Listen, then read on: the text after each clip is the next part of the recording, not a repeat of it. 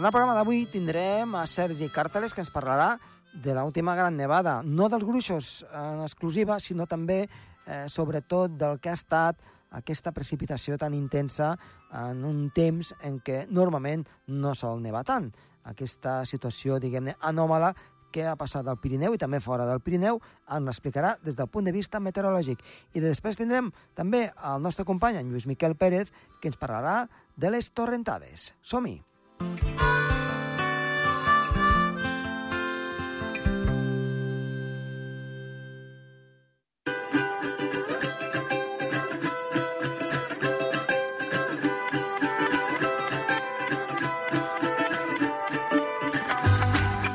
Iniciem el programa i parlem en aquest cas amb Sergi Càrteles. Sergi, molt bona tarda. Bona tarda. Avui ens has de parlar una mica sobre el que ha anat passant aquests darrers dies, les grans nevades que hem tingut aquí al Pirineu. Doncs sí, hem tingut unes grans nevades. La veritat és que han estat eh, dues setmanes en concret que l'episodi de nevades ha estat eh, les típiques d'aquestes que tenim eh, a les pel·lícules eh, de Nadal, Exacte. Bé, aprofitant, aprofitant no? que ja estem a punt d'arribar Sí, sí. al Nadal, doncs aquest any, almenys, la situació meteorològica ha permès doncs, poder gaudir d'aquestes eh, imatges i d'aquests moments doncs, eh, tan pintorescos De que postal. agraden. Postal de Nadal, eh? Correcte, correcte. I la veritat és que feia, feia bastant, bastants anys eh, que no coincidien les nevades amb el, amb el Nadal. Normalment les nevades venen una mica més tard, almenys les nevades més, Mhm. més fortes. Sí que és Sí. veritat que eh, hi ha algunes nevades que doncs, eh, sí que poden aparèixer puntualment, però amb aquestes acumulacions de neu tan increïbles que s'han arribat a acumular fins a més de dos metres, sobretot a les parròquies del nord, doncs eh, normalment són nevades que venen més cap al gener i cap al febrer, no tant Sí. cap, a, cap al desembre, en aquest cas. Però bé, almenys així ens assegurem, i sobretot les pistes d'esquí s'asseguren, que poden tenir doncs, uns gruixos òptims per les pistes d'esquí, almenys per diverses setmanes, i no descartaríem doncs, que en un futur pròxim puguin haver més nevades que vagin retroalimentant doncs, aquests gruixos de neu a les pistes. Clar, doncs el que ha caigut ja està caigut i encara doncs, el, el que queda per caure doncs, eh, en una situació normal doncs ja estaria garantit doncs, eh, poder acabar. Però vaja, encara és aviat perquè després pot venir, poden venir calorotes i la situació anar, anar una mica cap enrere. Ah, et volia demanar una mica, eh, Sí. hem parlat una mica això d'aquests gruixos, no? parlàvem per exemple 1.800 metres aquí a Andorra al voltant d'un metre de neu, i a 2.500 metres, el que tu dius, eh? eh metre i mig, dos metres, també molt ventada la neu, per tant, aquests gruixos en algun lloc eh, s'han acumulat fins a 3 metres, però és per, per culpa del vent, en altres, doncs, eh, veient els cims ben pelats, sembla que no hagi caigut res, és una situació, doncs, com sempre, complicada, però ens agradaria saber eh, una mica per què s'ha donat aquesta situació, què és el que ha passat? Una pertorbació, Doncs vents del nord, no sé, una mica Doncs sí, la sí, situació, sí, doncs... sí. Mira, doncs eh, el que comentaves eh, ha estat una situació, doncs un, un còctel, no? un còctel que ha permès aquestes nevades i era doncs, per aquestes borrasques que permanentment estaven en el centre d'Europa, eh, situacions molt inestables, que en principi a la península ibèrica no hauria d'haver molta complicació, però sí que ha coincidit totes aquestes nevades amb els vents eh, del nord, una, una fluctuació de vent del nord molt constant que produïa doncs, que sobretot a la cara nord dels Pirineus s'acumulessin aquestes precipitacions i nevades. Què passa?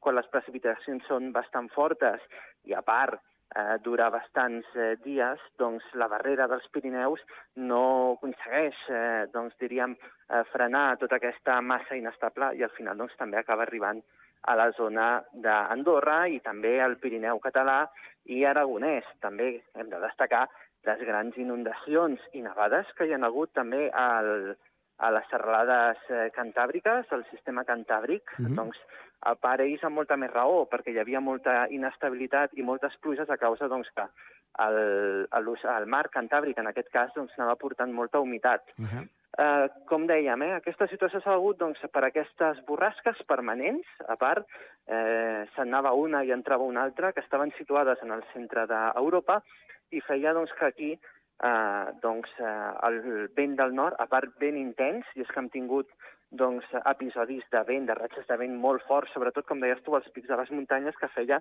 que algunes d'elles doncs, es quedessin calves de neu a causa d'aquest vent.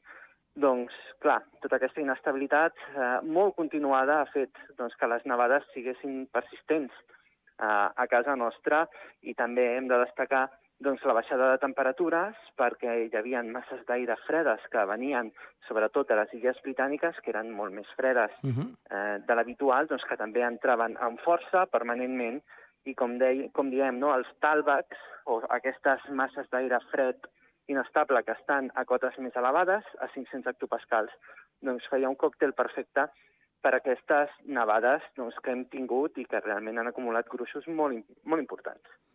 Doncs sí, una situació i que, a més a més, doncs, eh, amb aquesta crescuda del riu Ebre, eh, a mesura que va passant per diferents poblacions i que doncs, eh, una mica marca el, el que està d'aquestes precipitacions importantíssimes eh, en una època doncs, en què normalment doncs, no neva ni, ni plou tant, però vaja, aquest any doncs, ha, ha sigut així.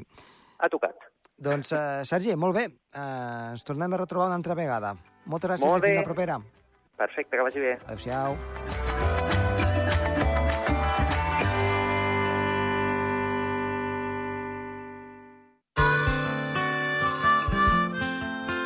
El Torb, amb Josep Tomàs.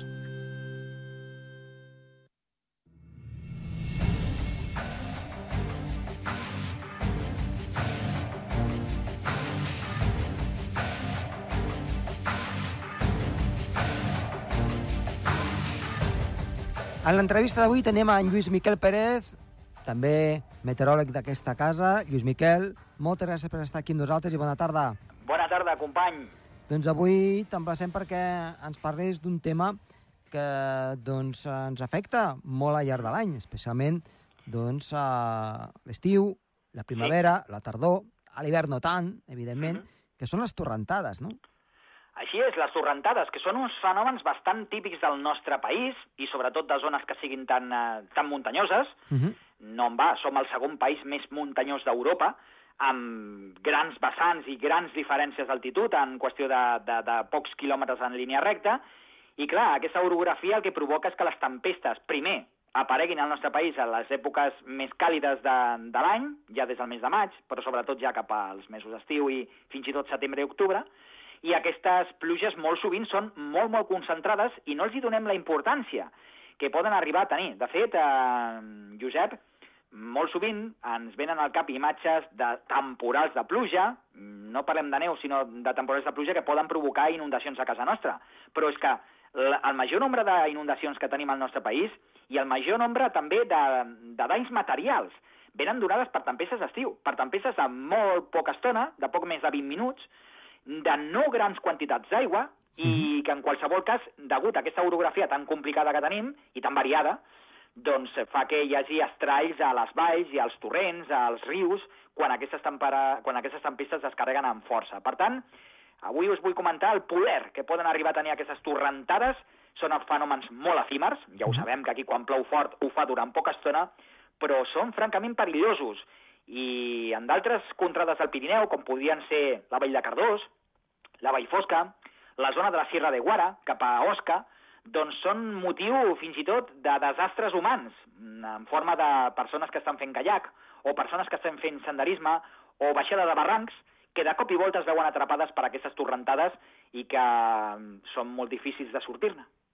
Doncs eh, això que dius és ben cert. Um, mm -hmm. Cada estiu o si no cada estiu, molt sovint tenim doncs, aquest tipus de torrentades i aquest sí. tipus d'ensurts. Sí, sí, de fet, i a més a més, mmm, molta gent de ben segur que, que associa les tempestes a que caiguen, a que caiguin o que eh, s'hi produeixen grans quantitats d'aigua en aquella precipitació, o sigui que puguin caure 50, 100, 200 litres per metre quadrat. En una tempesta d'estiu és molt difícil que almenys al nostre país tinguem aquestes quantitats. Uh -huh. S'han donat alguns exemples de 40-50 litres en una hora, però normalment no cauen més d'aquests 50. No som a la banda del Ripollès. Allà, per exemple, a la Vall de Ribes, o també cap a la capçalera del riu Rigat, que també seria allà cap a la Vall de Ribes, o la Vall de Comprodon, allà poden tenir tempestes d'estiu d'una sola tarda, d'una sola hora, de fet, en la que puguin, puguin caure més de 100 litres. La costa catalana és un exemple de tempestes molt fortes quan arriba la tardor que en qüestió de mitja hora poden deixar 80 o 100 litres per metre quadrat. No és el cas del nostre país, això també moltes vegades se'ns oblida, però és que no necessitem tanta quantitat d'aigua, no necessitem més de 20 litres, Josep, uh -huh. perquè hi pugui haver-hi haver estralls. Per tant, amb uns simples 20 litres per metre quadrat en una petita conca, en, una petita, en un petit riarol, Sí. eh, d'alguna de les, dels rius del nostre país, doncs eh, hi pot haver sarau. Ara em ve al cap, per exemple, doncs, els episodis del torrent de Llumaneres, del torrent de, o, o de fet de, del riu de, el riu Roner, quan Mhm, hi va haver la, sí. la, la gran avinguda de pedres que es van portar a la frontera, que es van portar a la duana, eh, allò van ser episodis en els que no van caure més enllà de 40 litres per metre quadrat. I mira la que van liar.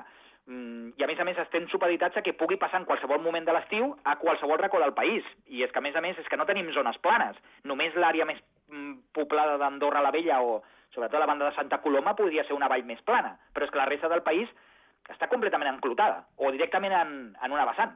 Exacte. I a part, amb, amb una diferència d'alçada que, per exemple, eh, Andorra la Vella Mm. eh, està una mica per sota dels 1.000 metres, però va, posem 1.000 metres Sí, i tenim aquesta paret al costat del Pic de Carroi, que és 2.300, tenim 1.300 metres Mhm. amb pràcticament menys d'un quilòmetre. Sí, sí, de fet, hi ha Clar, moltes zones brutal. així. Ten- Tens la Massana, tens ben a prop totes les valls d'Arinsal, de Exacte. Pal, tot el que baixa des de la Valira del Nord, Ordino no la tens a més enllà de 1.300 i escaig, Mhm. no hi arriba a metres, i només tens el Casamanya, que ja té 2.700 i pico, i a línia recta hi ha 3 quilòmetres, si, si fessis una línia recta.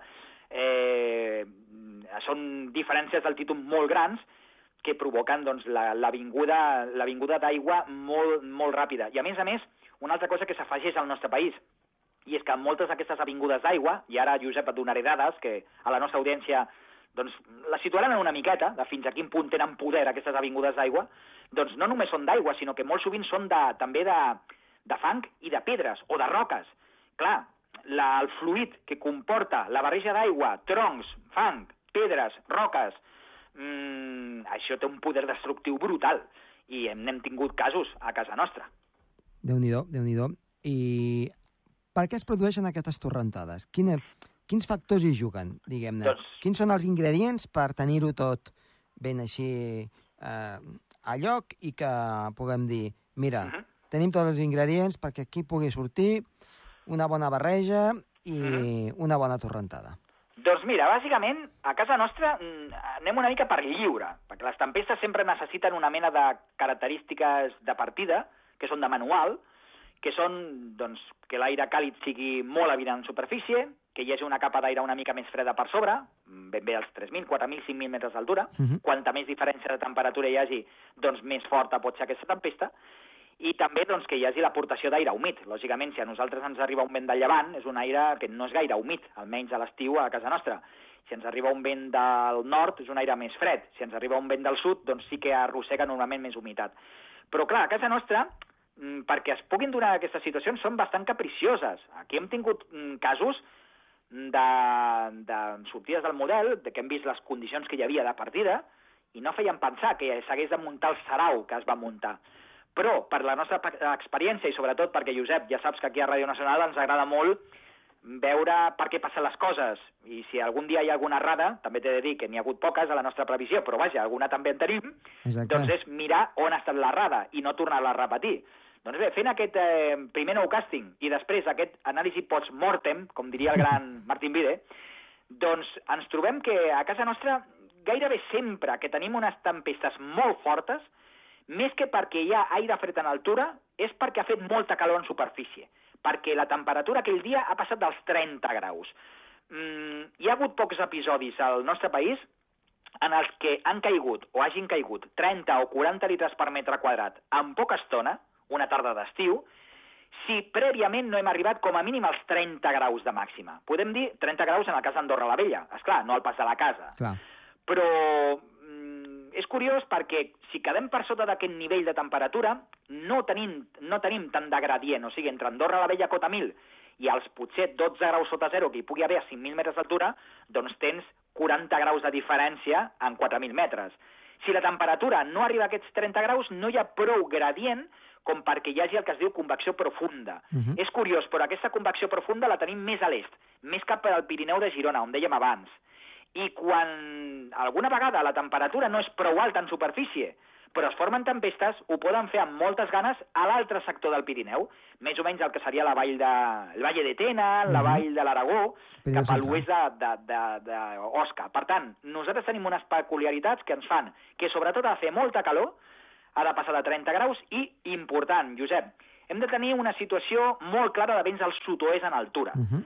Vents del sud-oest que arrosseguen tota la humitat des del Segre cap amunt i la van, de fet van, van, van humitejant més l'aire a mesura que aquest aire va, va pujant per la vall del Segre. Quan arriba al nostre país arriba a les palanques que suposen les nostres muntanyes i com estem orientats mm, doncs, a, o sigui, nosaltres fem d'embut aquest aire del sud-oest doncs, a propiciar la formació de grans tempestes. I també una altra curiositat és que aquestes tempestes normalment no es formen sobre la nostra, sinó que són tempestes que es formen cap a la banda del Pallars o alguna vegada venen una mica més enllà, el que es diuen les tempestes exògenes. Són tempestes que solen arribar per la banda, les típiques, eh, Josep? Solen arribar per la banda del Somontano d'Osca, la Mhm. Ribagorça, després el Pallars mm, català i enfilen cap al nord-est, entrant de ple, entrant primer per Sant Julià i la Massana i escombrant tot arreu. Mhm. Quan es formen a sobre, no solen deixar aquestes quantitats tan, tan grans de pluja perquè solen ser tempestes encara més locals. Les que venen des de fora són tempestes que escombren tot el Pirineu. Exacte. Les que es formen damunt nostre doncs, deixen l'aigua en entrelloc. Nosaltres doncs, les Sí. creem com si fos, no? Així és, a... molt sovint, eh? i Molt per, sovint per és aquelles així. persones una mica més interessades, eh, que has parlat d'això, de les temperatures i tal, Mm. eh, parlat d'aquests 30 graus a, a la zona plana, a les Sí. zones doncs, de vall, d'Andorra Mhm. la Vella, Escaldes, Santa Coloma, Sant Julià. Sí. Eh, quin, quin, és, quin és aquest gradient perquè disparen les temperatures en alçada? Doncs la, el gradient en el que es comença a disparar, si tu arribes a 30 graus, tot i que hi hagi mm, un aire bastant càlid per sobre teu, Mhm. ben bé 5-6 graus sota zero a 5.000 metres d'altura, que això és una temperatura bàsicament alta, si tu arribes a 30 graus en superfície, com tinguis una mica d'humitat, tindràs tempesta. Mm, això, aquests manuals de, mira, si hi ha tants graus a 5.000 metres i tants graus a superfície, tempesta segura. Si no, no. Al nostre país no serveix. No Aquí qui juga el paper més important és el vent que hi bufi, la brisa que bufi Mhm. i les muntanyes. Si nosaltres no tinguéssim aquestes muntanyes, doncs ja pots arribar a 40 graus que no tindries tempesta, perquè no tens el, el detonant, no tens eh, la guspira perquè aquest aire pugi de cop, esclati i es formin tempestes. I més aviat, quan ja la temperatura baixa dels 10 graus sota zero a uns 5.000 metres d'altura, és quan les tempestes solen ser més severes. Mhm. Si algun dia, Josep, arribes a 30 graus a Andorra la Vella i tens 15 graus sota zero a 5.000 metres, sols tenir una situació que es diu de tempestes eh, multicel·lulars. O sigui, que tens un reguitzell de tempestes entre el sud de França i el nord d'Espanya, que afecten moltes zones i que acaben deixant molts litres per metre quadrat, però sobretot perquè es tracta de mena de, com una mena de vagons de tren que van passant un rere l'altre. Les condicions són molt més propícies perquè hi hagi tempestes generals i ja no estaríem parlant d'una situació de tempesta de tarda de poca estona, Josep, estaríem parlant d'una situació de tempestes molt més eh, persistent. Per tant, amb tres o quatre tempestes durant una tarda. A, a nivell popular, molta gent comenta eh, de que quan fa doncs, aquestes calorades de 30 o més graus, que Sí, com a diguem-ne, resposta, després venen aquestes tempestes fortes, no? sí. De fet... Eh, I també també eh, la gent, de manera popular, no? diuen que eh, doncs, aquesta calor fa que les tempestes s'alimentin, o, o que creixin, o que donguin més força. I, i una mica, doncs, eh, era per comentar-t'ho de que la sabidoria popular a vegades té força raó, no? No, no, totalment. En zones com el Pirineu i en totes les àrees de muntanya que hi hagi a qualsevol indret del món, sobretot si estem a cavall d'aires freds que vinguin des del nord, mm, aires càlids que vinguin des del sud, mm, si tens muntanyes i fa calor, això és bastant preludi de tempesta. Sobretot els dies que fa més xafogó. La xafogó al nostre país és un símptoma inequívoc que acabarà rebentant en forma de tempestes l'atmosfera. Mm, tenim d'altres zones properes, com podria ser la costa catalana, que al mes de juliol, que faci xafogó no és sinònim que hagi de ploure. Normalment, si tu tens molta xafogó al mes d'octubre a la costa, acaba patant també, perquè Sí. la costa està tan calenta que acaba formant núvols sobtats. Doncs al nostre país aquesta saviesa és totalment certa. Un dia de molta calor, i sobretot aquell típic dia de juliol, que comença a fer molta calor ja a partir de les 11 del matí, que el dia està molt ras, no te'n refis, mm, la gent que sap de muntanya sap que aquell dia, si vol fer muntanya, s'ha de tornar de seguida. O bé, avortar operació, perquè de cara a la tarda tindrem llamps. Doncs eh, així ho farem. Doncs, eh, Luismi, moltíssimes gràcies per estar avui aquí amb nosaltres i t'esperem una propera vegada. Perfecte, Vinga, adeu-siau. que vagi bé. Adeu.